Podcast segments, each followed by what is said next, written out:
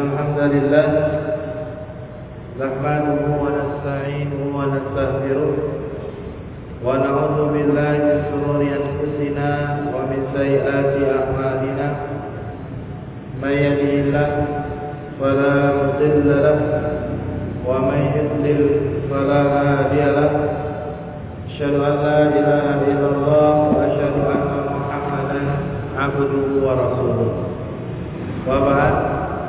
Alhamdulillah kita bersyukur kepada Allah Subhanahu wa taala atas segala nikmat yang Allah Subhanahu wa taala berikan kepada kita sehingga pada sore atau maghrib yang berbahagia ini Allah Subhanahu wa taala masih mengumpulkan kita di masjid yang kita muliakan ini dalam rangka taklim rutin setiap hari Ahad malam Senin tafsir dan kita mohon kepada Allah Subhanahu wa taala agar Allah Subhanahu wa taala berikan terus inayah dan taufiknya kepada kita semuanya sehingga kita terus bisa bertakwa kepada Allah Subhanahu wa taala. Selawat dan serta salam marilah kita perbanyak kepada Nabi Sallallahu Alaihi Wasallam karena dengan memperbanyak salawat kepada Nabi Sallallahu Alaihi Wasallam.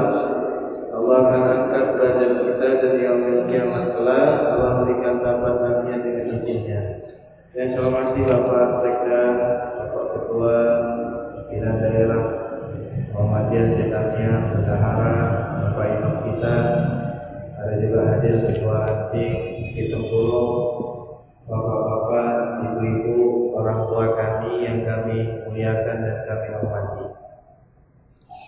Sampailah kajian kita tafsir masih di dalam surat Tur. Ayat kemarin ayat 16. Insyaallah taala malam ini kita akan membahas ayat yang ke-17. Kata Allah Subhanahu wa taala dalam Al-Qur'an, "Innal muttaqina fi jannatin na'im." Sesungguhnya, sesungguhnya orang-orang yang bertakwa berada dalam surga dan kenikmatan. Ya.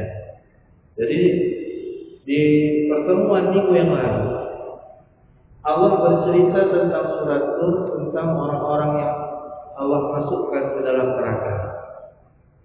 Allah bercerita tentang pemuka-pemuka penghuni neraka jahanam.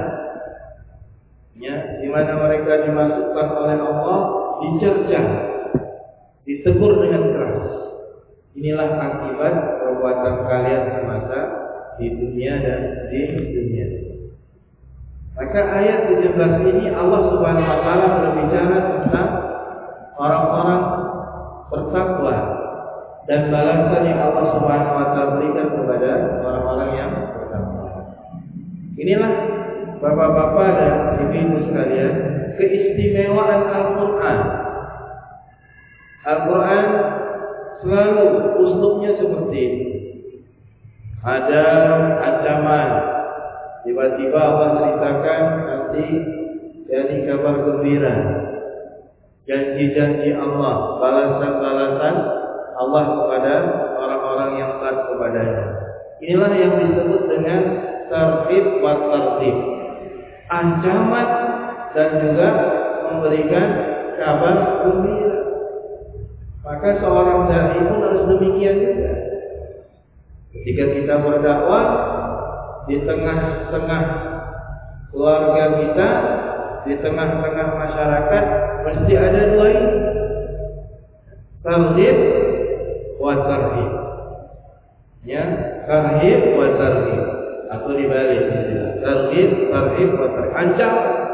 Diberikan ancaman. Ditakut-takuti. Terus tidak hanya ditakut-takuti, harus juga diberikan balasan. Diberikan kabar gembira. Ya, sehingga kaum muslim ini tidak berputus asa dari rahmat Allah Subhanahu wa taala. Ya, karena kalau kita berputus rahmat Allah, di situlah setan tertawa. Kalau kita buat maksiat, bertobat, ya kan? Kemudian jatuh lagi, bertobat lagi, jatuh lagi, bertobat lagi, hanya putus asa. Seolah-olah udah nggak akan lagi dosa. Saya bertobat kembali lagi. Putus asa. Kalau sudah putus asa, inilah yang diinginkan siapa? Makanya seorang tadi kalau mengancam ditakut-takuti, takuti saja. Tapi nanti dari takut ya diberikan kabar kabar gembira, diberikan kabar-kabar rahmat. Ya, supaya yang demikian tadi benar-benar membentuk seorang muslim yang taat kepada Allah Subhanahu wa taala. Jadi kata Allah Subhanahu wa taala, sesungguhnya orang-orang muttaqin, orang-orang yang bertakwa, itu mereka itu berada di dalam surga yang penuh dengan kenikmatan. Jadi orang-orang muttaqin itu siapa? Dan apa definisinya? Orang-orang muttaqin, orang-orang yang bertakwa itu dijelaskan oleh para ulama, alladzina taqaw rabbahum ya, fa'buduhu wahdahu. Mereka itu adalah orang-orang yang takut kepada Allah Subhanahu wa taala. Jadi kalau kita takut dengan Allah, kita akan menjaga segala sesuatu yang mengantarkan kita untuk jadi dimurkai oleh Allah. Ya. Fa'bud fa'buduhu. Mereka itu beribadah kepada Allah saja. Mentauhidkan Allah. Gitu Pak. Lihat. Mentauhidkan Allah. Ya. Apa yang mereka tauhidkan Allah Subhanahu wa taala. Mereka tidak mau berbuat syirik kepada Allah Subhanahu wa taala. Mereka hanya beribadah kepada Allah Subhanahu wa taala. Bima syara'a Beribadah kepada Allah sesuai dengan apa yang disyariatkan Allah Subhanahu wa taala. Jadi beribadah kepada Allah Subhanahu wa tidak bisa, tidak harus ya. Ya, tidak boleh kita itu berinovasi. Kita itu beribadah kepada Allah Subhanahu wa taala itu harus ittiba. Wala tabtadi' jangan membuat perkara-perkara yang baik. Beribadah kepada Allah sesuai dengan syariat Allah, ya. Dan jangan mengadakan inovasi dalam ibadah kepada Allah Subhanahu wa taala. Wa'adul faraid dan mereka itu mengerjakan yang wajib. Mengerjakan perkara-perkara yang wajib. Wajtinabul nawahi dan mereka itu menjauhi larangan-larangan. Makanya orang yang beriman kepada Allah itu ada tiga golongan. Yang pertama golongan ya al-muqtasid yang sedang pertengahan. Dia nggak buat yang haram, tapi mencukupkan yang wajib. Ya, nggak buat yang haram, mencukupkan yang wajib, tidak mengerjakan yang sunnah. Ini. Dan ini Allah Subhanahu wa taala ya golongkan mereka termasuk orang-orang yang beriman. Tapi berimannya tingkat pertengahan. Ada lagi kata Allah Subhanahu wa taala dalam Al-Qur'an, golongan yang kedua golongan as-sabiqul khair. Mereka ini bukan tingkat muktasid lagi, pertengahan. Mereka orang yang memburu segala bentuk kebaikan, berlomba-lomba melaksanakan kebaikan. Mereka kejar yang sunnah, yang wajib, mereka kerjakan. Bahkan jangankan yang sunnah, yang wajib, yang makruh pun mereka tidak mau melakukannya. Ini orang sabiqul khair. Ya inilah yang mewarisi kitab Allah. Diberikan warisan kepada mereka. Dan yang ketiga, yang paling rendah, zalimun nafsi. Mereka berbuat haram tapi tidak melanggar, tidak berbuat syirik kepada Allah. Mereka jatuh kepada keharaman. Tapi mereka tidak melanggar tauhid kepada Allah Subhanahu wa. Zalimun nafsi. Ini masih dikatakan mereka itu termasuk orang-orang yang beriman. Ya. Jadi bawa sekalian, ya, iman itu menurut ahlu sunnah wal jamaah ya iman itu ucapan iman itu ikut iman itu perbuatan. Tiga-tiganya harus ada kalau salah satunya tidak ada iman itu tidak sah. Tiga ada ucapan hati terus perbuatan. Tiga ini mesti ada. Kalau salah satunya hilang maka imannya tidak sah. Ya tak sah Ya, dan pertama iman tadi dengan kesehatan yang berkurang dengan maksiat kepada Allah Subhanahu wa taala. Inilah definisi iman yang disepakati oleh para ulama kasih oleh ulama-ulama Ahlussunnah wal Jamaah dari dulu sampai sekarang. Ya, itu dia. Ya. Jadi masalahnya timbul pertanyaan. Boleh nggak Ustaz ada pertanyaan? Mengatakan insya Allah mukmin. Insya Allah saya beriman. Tinggal bertanya. Ya boleh nggak gitu? Para ulama al-sunnah mengatakan kalau maksudnya dia mengatakan insya Allah mukmin karena takut-takut ada perintah yang dilanggar, ya kan? Ada larangan yang ada perintah yang tidak dikerjakan, ada larangan yang ditinggalkan, ya kan? Ada yakni maksudnya dia meyakini dirinya nggak sempurna, mukmin 100%, ya kan? Ada kurang, ada plusnya. Maka ini para ulama mengatakan jahit boleh. Insya Allah saya beriman.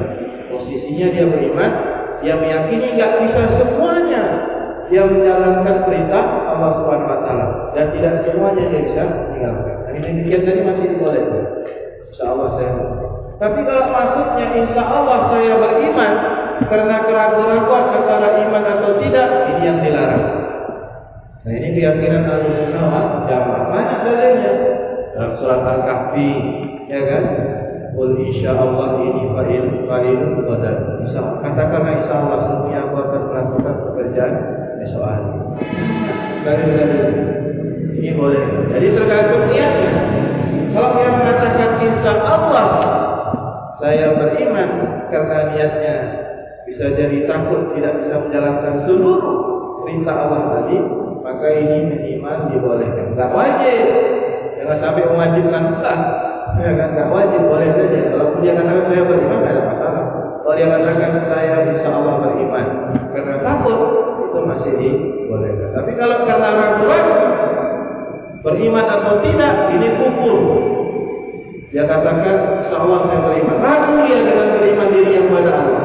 Ini dia kufur. Bisa keluar dari Islam.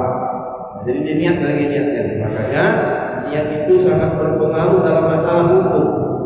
Ya makanya ada kaidah usul fikih itu ya bima qasidil umur. Niat itu yakni ter, uh, maksud dalam tujuan urusan ya. Jadi Bapak sekalian, kalau orang yang beriman itu ya insya Allah taala dia bertakwa kepada Allah Subhanahu wa taala. Ya. Dan Allah akan berikan baginya jannatul na'im. Ya. Gitu. Jadi jannatul na'im itu termasuk kebun-kebun yang penuh dengan kenikmatan. Yang mana kalau orang tinggal di kebun itu dia mendapatkan kenikmatan yang luar biasa kelezatan yang luar biasa. Kemudian Allah berfirman selanjutnya, "Fakihina bima atahum rabbuhum wa waqahum rabbuhum adzabul adzabal jahil." Mereka berkarya dengan apa yang diberikan Tuhan kepada mereka dan Tuhan memelihara mereka dari azab neraka.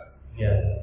Jadi Allah Subhanahu wa taala terangkan mereka itu yakni berzat-zat dengan buah-buahan yang banyak. Yang kasirah yang disifati oleh Allah tidak pernah putus dan tidak pernah terhalangi mereka menikmati apa yang berada di dalam surga Entah itu buah-buahan, apa saja, tidak ada terhenti terus. Ya, sehingga Allah Subhanahu Wa Taala mengatakan, ya, bima atahu rabbuhum. Mereka menikmati buah-buahan di dalamnya. Jadi di surga itu ada anggur. Di surga itu ada anggur, ada pisang ada apa sama bagian nama yang disebutkan Allah dalam Al-Quran, tapi si e, namanya sama, rasanya beda dan bentuknya juga ber, berbeda. Gak sama. Pisang, pisang dunia seperti itu untuk mendekatkan pemahaman kita saja. Tapi bentuk dan rasanya itu berbeda jauh kali lipat daripada pisang atau anggur yang kita rasakan di, di dunia. Kalau anggur yang kita rasakan di dunia yang manis, bukan anggur yang di jalan-jalan yang katanya mengandung formalin, ya kan? 35 ribu per kilo itu diteliti mengandung formalin, tak betul kan? Allah itu aja enak apalagi kalau anggur di surga. Cina, ya kan? Banyak, ya. Wallah. Jadi Allah Subhanahu Wa Taala berikan kepada mereka kenikmatan yang luar biasa.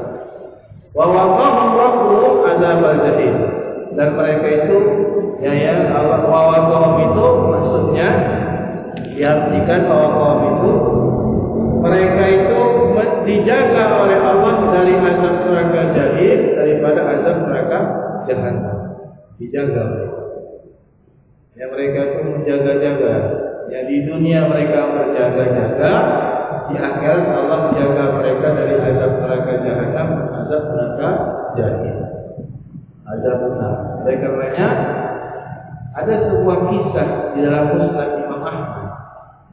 Kisah tiga orang khalifah terbaik sepeninggalan Rasulullah Sallallahu Alaihi Wasallam.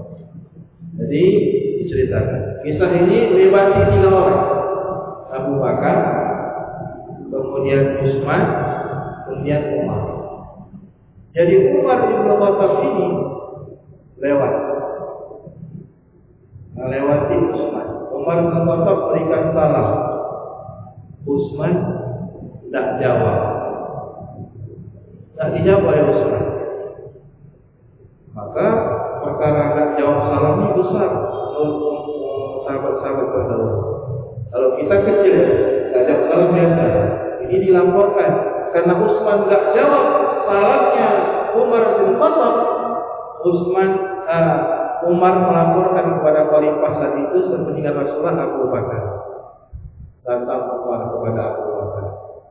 Utsman saya berikan salam, dia tak menjawab. Masya Allah. Benar itu. Berat. Makanya kalau kita diberikan salam, jawab salam itu wajib. Sampai-sampai dalam sholat sunnah, kalau ada orang yang salam, kita isyarat. Assalamualaikum warahmatullahi Ya. Begitu. Dijawab pakai isyarat. Itu disebutkan dalam Sahih Bukhari, Sahih Muslim. Maka menjawab salam itu wajib memberikan salam sunnah. Ya, laporlah umat tadi. Usman aku berikan salam dan jawab. Kalau itu biar aku datang si Us Usman bin Affan. Datanglah Abu Bakar, Usman. Kenapa Umar bin Khattab berikan kau salam, kau gak jawab? Kata Usman, Mana ada dia beri salam itulah bahasa kita. Gak ada dia salam. Datang Umar jawab, Wallahi demi Allah aku berikan salam, kau tak jawab. Kata Kalau gitu kita tanya, Bayu? Perlu cek and recheck, akan mengambil kesimpulan dulu. Ya komunikasi itu dulu. Ya, akhirnya ditanya oleh Abu Bakar, kenapa kau tak jawab? Saat itu aku selalu memikirkan keselamatan di yaumil kiamat kelak. Masya Allah. Memikirkan jalan selamat di akhirat kelak itu bagaimana? Kata Utsman, karena aku lupa bertanya kepada Rasulullah ketika dia masih hidup. Saking fokusnya dia memikirkan jalan selamatnya di akhirat kelak sampai-sampai sahabat Umar lewat berikan salam kita Usman tidak menjawab. Kalau kita bukan saking fokus mikirkan hari akhir, saking fokusnya di YouTube, diberikan assalamualaikum, baru hidup Memang jauh generasi kita dengan generasi para sahabat. Dari sahabat itu luar biasa mereka memikirkan akhir Apakah mereka selamat atau tidak? Kalau kita tak kita pikirkan akhir. Bisa ceritakan dari dulu di warung kopi, awak lain pula awak pikir Ustaz. Kalau tak ada kue di rumah, pikir saya sedih ya. Uang ada ya kan? Bukan akhirat yang dipikirkan. Kita seminggu pun tak ada pikir akhirat. Sehari pun mungkin tak ada. Sebulan mungkin adalah ingat sedikit kalau hari Jumat ya kan. ya kan? Betul nggak? Ingat-ingat sedikit, ingat-ingat sedikit nggak banyak. Nah, jadi ketika disampaikan uzur alasannya Utsman bin Affan saking seriusnya dia memikirkan dalam keselamatan nanti di akhirat kelak ya kan kata Abu Bakar kata Abu apa yang kau pikirkan sudah aku tanyakan kepada Rasulullah Sallallahu Alaihi Wasallam kata Utsman sampaikan kau lebih berhak menyampaikan itu karena kau mengetahui jalannya dari Rasulullah Sallallahu Alaihi Wasallam. Kata Rasulullah SAW kepadaku, man qabila kalimatan ya Barang siapa yang menerima kalimat allati aradtu ala ammi faradtuhu falahu najah. Kata siapa?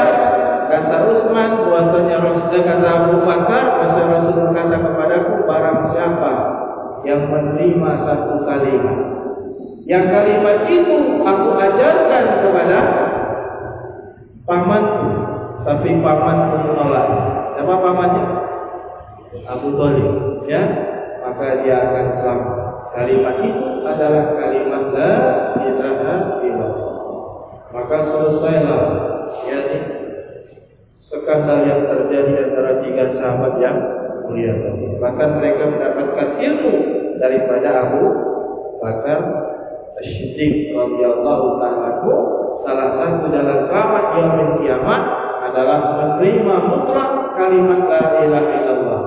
Tapi bukan hanya menerima saja, harus ikut konsekuensinya. Ya, konsekuensi dari kalimat itu.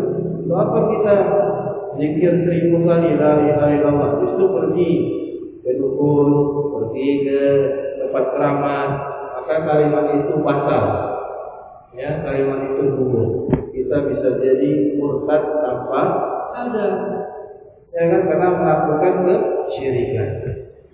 Jadi bapak sekalian itulah dia. Bagaimana Allah menjaga orang-orang yang beriman tadi orang yang bertakwa nanti di yaumil daripada azab neraka jahanam dan azab yakni api neraka. Ada lagi sebuah kisah dalam riwayat yang menukilkan dalam riwayat Imam Tirmidzi bahwasanya Abdullah bin Rawahah seorang sahabat Nabi sallallahu alaihi wasallam ketika itu dia di rumah. Maka rumah itu pada zaman sekarang ini itu termasuk lingkungan kita daripada fitnah bagi laki-laki maupun bagi perempuan. Maka orang yang banyak di rumah keluar rumah hanya untuk mencari nafkah, nafkah dia balik ke rumah lagi, itu dia lebih selamat zaman sekarang. Dari syubhat, dari fitnah, dari apa. Jadi Abdullah bin Umar ini dia berada di sisi istrinya. Maka dilihat istrinya menangis bahkan maka ditanya oleh suami Abdullah bin Rawah, Wahai istriku, kenapa kau menangis? Kata istrinya, karena aku melihat kau menangis. Masya Allah. Ini suami istrinya luar biasa. Kalau istri sekarang, kalau istri, uh, suami yang menangis, dia tertawa. ya kan? Masya Allah. Ini tidak. Niat suaminya nangis, istri ikut nangis. Suami istrinya tanya, kenapa kau nangis? Aku pun ikut nangis karena aku memikirkan satu ayat. Ya, ayatnya itu inna minkum illa waridwa surah apa itu? Ya, semua surat saya lupa. Inna minkum illa waridwa tidaklah kalian akan melewati satu eh, lembah neraka jahanam, ya kan? Dan kalian dalam keadaan jizya, dalam keadaan kalian merangkak lewat itu tadi. Ya. Kemudian Allah katakan wa nazul ladina taqaw wa nazaru zalimina fisya. Allah selamatkan orang yang bertakwa dan Allah tinggalkan orang-orang yang berbuat zalim itu di dalam neraka jahanam. Jadi tafsir dari tafsir maksudnya kita semua akan melewati asyirat.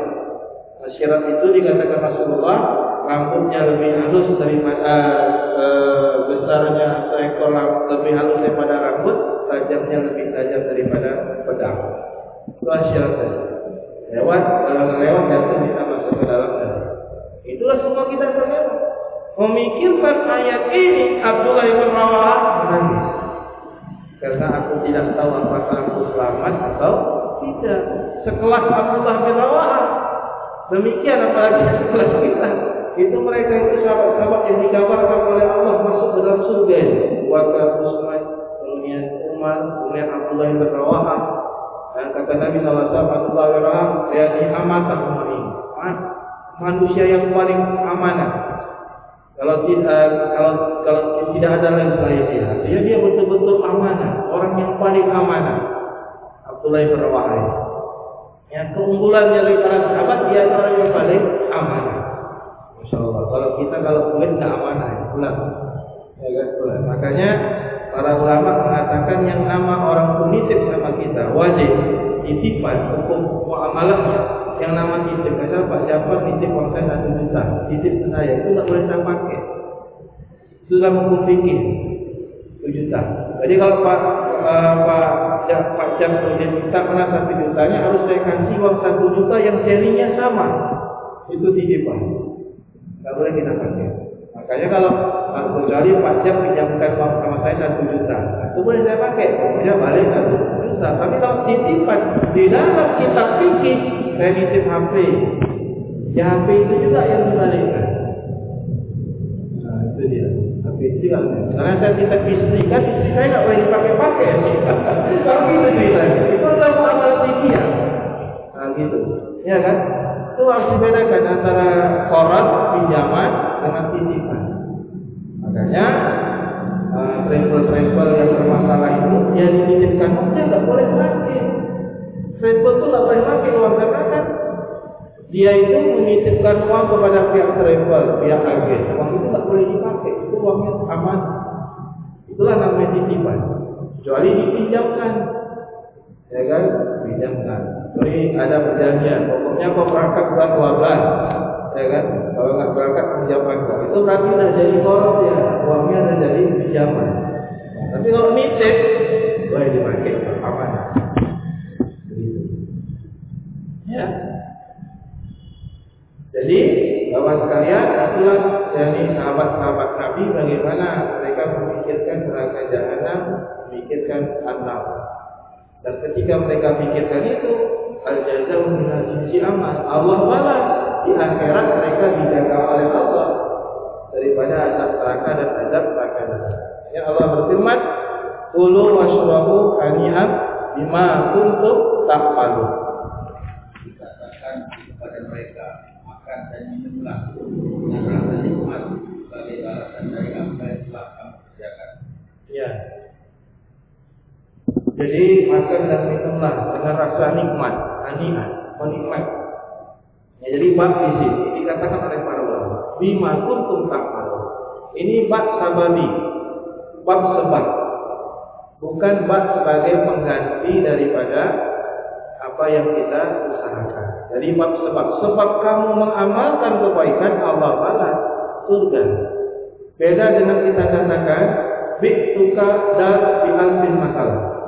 Ya, saya beli rumahmu dengan seribu rial, dengan seribu rial. Berarti itu kan ganti, ganti rumah seribu rial.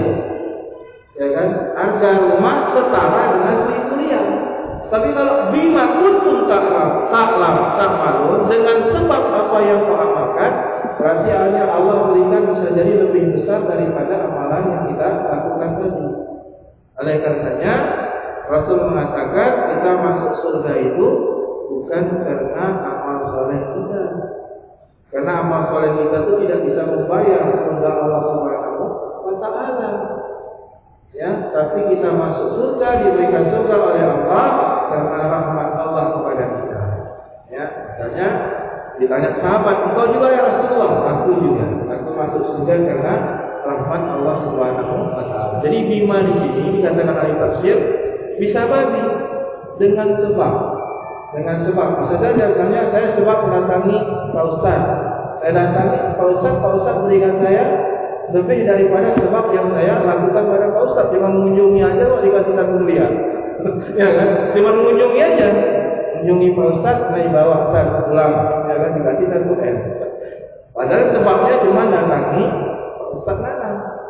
Makanya bima kuntum ta'lamun seluruh ahli tafsir mengatakan bab di sini bab sababi dengan sebab amalan yang kita perbuat Allah berikan surga bukan dengan amalan kita Allah kasih surga beda.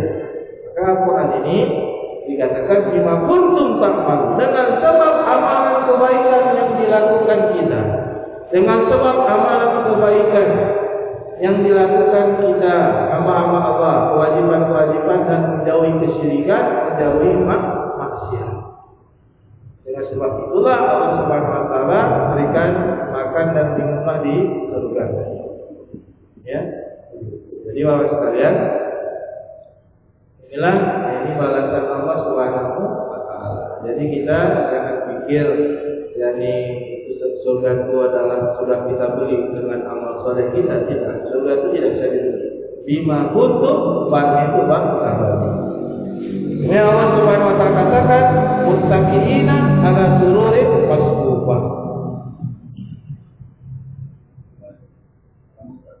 ya lanjut. Panjang ayat 20 ya wajawan lahu bi hurul ain mereka bersandar di atas kalimat yang dan kami berikan kepada mereka makanan bidadari yang bermata hitam. Ya, jadi masalah ya kita itu berdelegan menikmati nikmat di surga. Ya, mudah-mudahan saya, bapak-bapak, ibu sekalian, mohon kepada Allah agar kita semua dimasukkan ke dalam jannatul naim. Amin rabbil alamin. Ya, mudah-mudahan doa kita dijabah ya oleh Allah Subhanahu wa taala. Jadi Allah berikan yakni kita itu menikmati buah-buahan, menikmati lezat tadi dalam keadaan tertelekan. Kalau di dunia kita makan sambil tidur, sambil tertelekan seperti raja, dilarang. Karena wajibnya kita bertawaduk, akan bertawaduk, menikmati nikmat Allah tadi. Tapi kalau di surga kita boleh menikmati surga dalam keadaan seperti raja yang tertelekan, dia terlipat-lipat tadi. Ya kan? dan ditemani oleh bidadari bidadari. Itu kata Nabi, kalau dia turun ke bumi itu wanginya memenuhi bumi lah. Zaman Islam saya Muslim tadi. Satu bidadari turun itu wanginya memenuhi bumi. Itu baru wanginya pak. ya makanya sabar-sabar, jangan jangan buat perbuatan zina, sabar-sabar. Ingat, di sana itu Allah siapkan ya setiap penghuni surga itu diberikan kekuatan oleh Allah seratus kali lipat daripada di dunia tadi untuk mengawali bidadari bidadari tadi. Masya Allah. Kalian sama-sama ingat itu mau berbuat zina nanti ada bidadari lebih mantap lagi. Jadi ingat jadi ya kan ya jadi bapak sekalian kita mohonkan eh, balasan yang Allah Subhanahu Wa Taala berikan insya Allah ini saya sudah sampaikan eh, lebih dan kurang mohon maaf insya Allah kita lakukan nanti di ayat yang 21 sampai 28 mudah-mudahan saja kalau bapak ada yang bertanya silakan Ya, katanya tadi Ustaz. ya Sekarang fikih tadi Ustaz. Mereka penjaharan Ustaz. ya Uangnya uang dua ribu dua ribu semua Ustaz. Saya saat berikan mana kira-kira? Apa? Enggak, ya jumlahnya aja pak Lima aja. jumlahnya aja Berarti nggak nggak uang itu aja Pak. Orang orang lima ratus, uang seribu, uang jelek, kan kan? Ya, selama masih jumlahnya itu dan kalau kita kumpulkan 2000 ribu tadi ada mudaratnya kan bul- mungkin kita bayar misalnya kosip bagi uang 2000 kan nggak mungkin nah nggak mungkin maka ditukar Nggak mencari faedah. Selama masih belum eh, seperti itu sebelum sampai melanggar titipan tadi ya itu tadi. Apa masih dibolehkan? Ya ditukar walaupun nggak nomor serinya lagi. Ya kan? Itu secara hukum tapi bisa berubah karena faktor dari apa keadaan. Ya kan? Kondisional. Allah Taala. Pokoknya titipan orang itu demikian. Kalau disiapkan ada gitu. Makanya titipan dari benar itu memang harus beruang. Karena suatu waktu nanti diperlukan oleh itu dia siap. Tapi kalau nggak beruang, uangnya ada terpakai, dia nggak amanah karena titipan, diminta uangnya ente pak. itu yang masalah. Makanya ya kan? Ini saja akadnya dijadikan aja. Uang masjid ini titipan ya kan? Ya kan? Kemudian dipinjamkan mana Pak Jakode ini ya kan? Dipinjamkan. Nanti suatu waktu bisa dipakai kapan saja. Pajak pajak pun bisa pakai uangnya kan? Karena bukan akad titipan lagi wadiah. Makanya di dalam uh, muamalah syariah itu ada akad bank-bank syariah. Sekarang akad wadiah. Jadi kita masukkan uang 500 pihak bank nggak mengganggu. Dan kita nggak dapat bonus daripada kalau ketika mereka gunakan. Itu ada di BNI. Maka termasuk saya, bank saya, uh, tabungan saya itu nggak nggak ada tambahan bunga dan nggak ada pemotongan karena akad wadiah. Kita akadkan terus. Ini akad wadiah, titip. Jadi satu-satu yang titip bisa kita ambil ATM. Jadi akadnya korup saja kan. Jadi pihak Pak Ketua nyerahkan kepada Pak Jam dengan akad korup pinjaman, ya kan? Jadi uang itu bisa dipakai oleh pajak dan kapan saja diminta oleh masjid bisa dikeluarkan. Memang itu kendalanya. Kadang udah dipakai uangnya, pas perlu ini masalah gara-gara tidak amanah. Hah? Lah ketua atau yang ketua, ketua, ya ketua bendara serahkan ini akad mulai saat ini pinjaman korat. Jadi apa pun yang bisa diganti eh, dipakai pajak lepas makin. Nah, titipan itu nggak boleh dipakai pajak. Itu dalam Islam. Lebih tenang.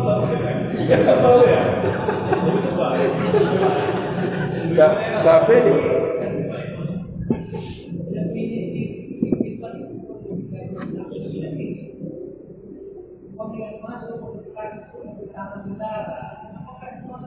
Titipan. Titipan. Titipan dari. Jemaah. Uang jemaah. Iya. Nah, jadi sama apa? Ketua sama Pak Ketua bilang Pak Jab mulai sekarang Jumat depan ini saya saya bertanggung jawab sekarang jadi koron saya pinjamkan semuanya kepada Pak Jab jadi Pak Jab bisa gunakan uang itu punya utang Pak Iya, supaya kita nggak kena dihukumnya apa? Karena wadiah itu titipan jamaah itu nggak boleh dipakai dalam hukum fikih apa pun. Beratnya di situ. Jadi kalau mewakili jemaah. Ya, mewakili jamaah.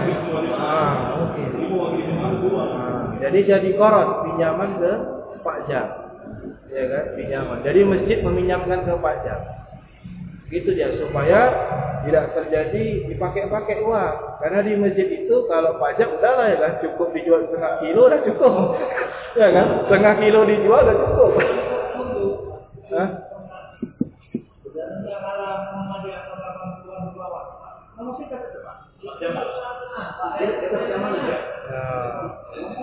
Berarti beliau udah paham itu. Ya. Akad titipan itu. Ya.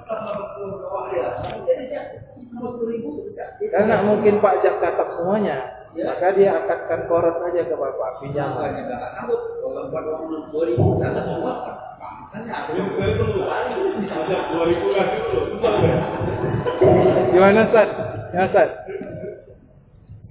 dua ribu sana semua. Gimana Ustaz? Ya Ustaz?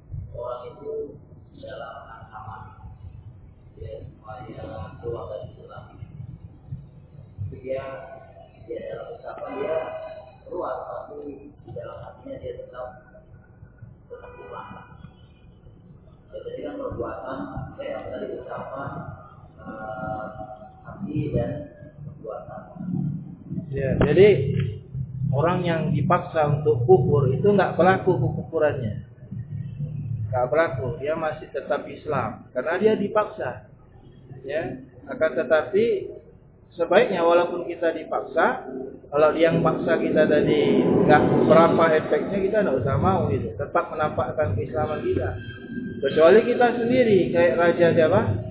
Raja Najah dia menampakkan kekufuran tapi menyembunyikan keislaman ya kan Maka ketika mati, ketika meninggal beliau, para sahabat dan Nabi mensolatkan salat gaib. Itulah tradisi atau sebab salat gaib tadi.